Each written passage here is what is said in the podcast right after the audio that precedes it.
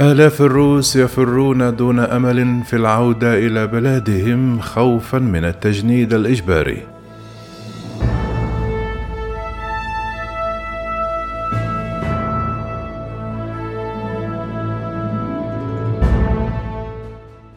فر عشرات الآلاف من الروس منذ بداية غزو بلادهم لأوكرانيا خوفا من التجنيد الإجباري وتدهور مستوى المعيشة أو بسبب رفضهم لما يرونه حربا إجراميا وذلك بحسب تقرير لصحيفة نيويورك تايمز الأمريكية.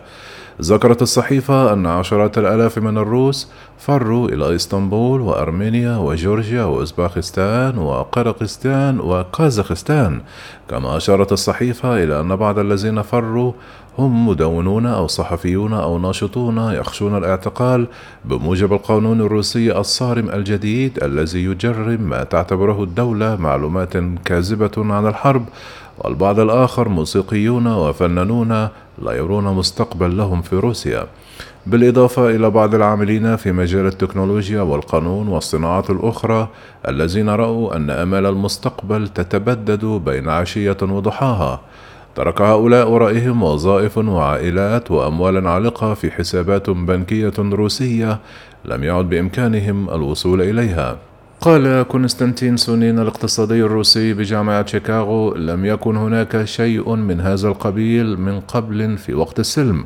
كما أضافت بولينا بورودينا الكاتبة المسرحية في موسكو عن حرب حكومتها في أوكرانيا لم يسلبوا مستقبلنا فحسب لقد سلبوا ماضينا.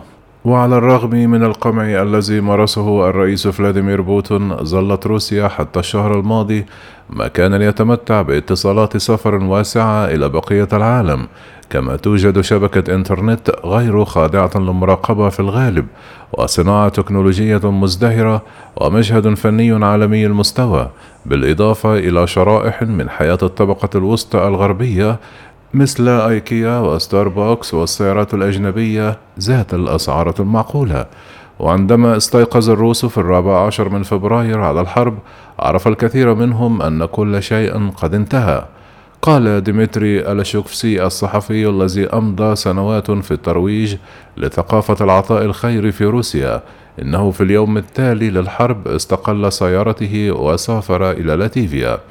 كما أضاف لقد أصبح من الواضح تماما أنه بعد تجاوز بوتين هذا الخط الأحمر فلن يعيقه شيء بعد الآن فسوف تزداد الأمور سوءا. في الأيام التي تلت الغزو أجبر فلاديمير بوتين بقايا وسائل الإعلام الروسية المستقلة على الإغلاق.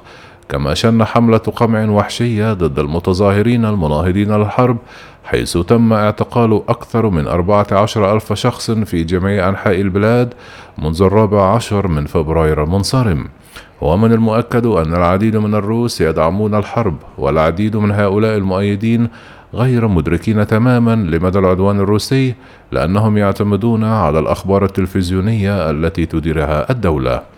سافر الآلاف إلى مدينة إسطنبول التي أصبحت مرة أخرى ملاذا للمعارضين كما حدث عام 1920 أثناء الثورة البلشفية الشيوعية. ويخشى الفرون الروس من أن ينظر إليهم على أنهم يمثلون دولة شنت حربا عدوانية على الرغم من إصرار الكثيرين على أنهم أمضوا حياتهم في معارضة الرئيس الروسي بوتين. في جورجيا حيث وصل عشرون ألف روسي منذ بداية الحرب بحسب الحكومة. واجه الفرون بيئة مخيفة مليئة بالكتابات المعادية لروسيا والتعليقات العدائية على وسائل التواصل الاجتماعي. كما صرحت ليلين نبوسوفا الناشطة من منظمة Memorial International وهي منظمة حقوقية روسية أغلقها الكرملين مؤخرا. لقد حاولنا أن نشرح أن الروس ليسوا بوتين نحن أيضا نكره بوتين هربت نسوفا البالغة من العمر 26 عاما إلى جورجيا قبل أسبوع.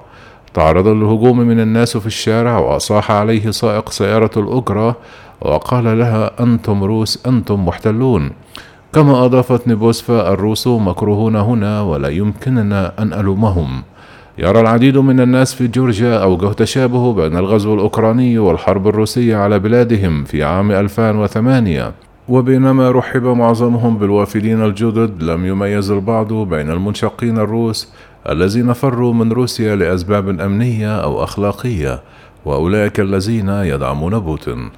طالب بنك جورجيا أن يوقع العملاء الروس الجدد بيانا يدين غزو بوتين ويعترف باحتلال روسيا لأجزاء من جورجيا وهو طلب سيمثل مشكلة لأي شخص يأمل في العودة إلى روسيا حتى أن بعض الجورجيين طالبوا أصحاب العقارات برفض الإيجار للوافدين الروس.